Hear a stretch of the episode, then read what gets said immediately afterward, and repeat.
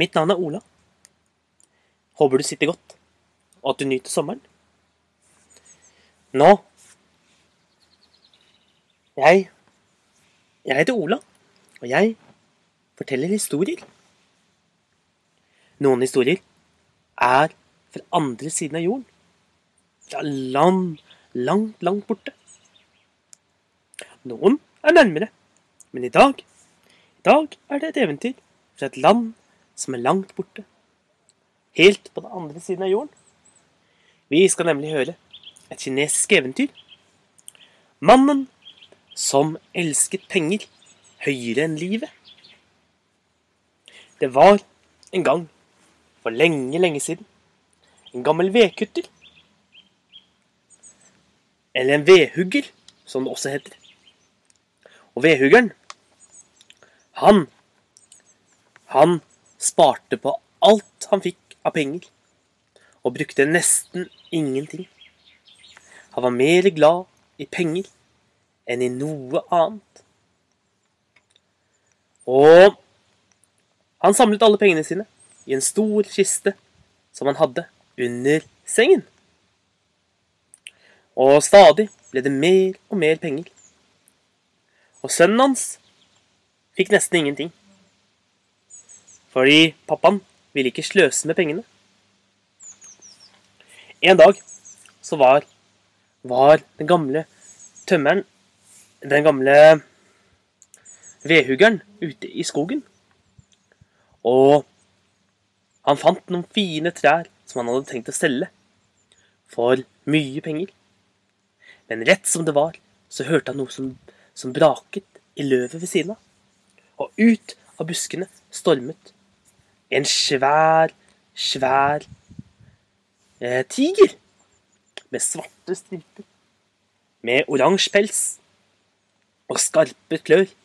Og skarpe tenner. Og den tok og bet til. Og tok med seg mannen inn i skogen. Han bar den gamle mannen med seg innover, mens han ropte på hjelp. Sønnen hans hørte dette og tok med seg den største kniven kunne finne. Så skyndte han seg etter tigeren. Han løp det forteste han kunne. Og snart, snart fant han tigeren. Den hadde stoppet og hadde pappaen ved siden av. Men pappaen, den gamle vedkutteren, vedhuggeren, han var ikke skadet. Gutten, han løftet kniven for å gå og redde pappaen sin. Han var klar til å angripe tigeren. Men med ett så ropte vedhuggeren. Nei, nei, nei, kjære sønn. Du må prøve å ikke lage hull i tigerskinnet. Vet du ikke hvor mye penger et tigerskinn er verdt? Og det er verdt mye, mye mer penger hvis det ikke er hull i skinnet. Prøv om du kan, om du kan vinne over tigeren uten å lage hull i kinnet. Og mens han sto der og snakket, da Da begynte tigeren å bevege seg. Den begynte å snike seg nærmere og nærmere. Med ett stort byks så hoppet den fram, grep den gamle mannen og sprang av gårde videre inn i skogen. Og gutten løp etter, men tigeren var altfor rask. Så det endte med at tigeren spiste opp den gamle vedhuggeren.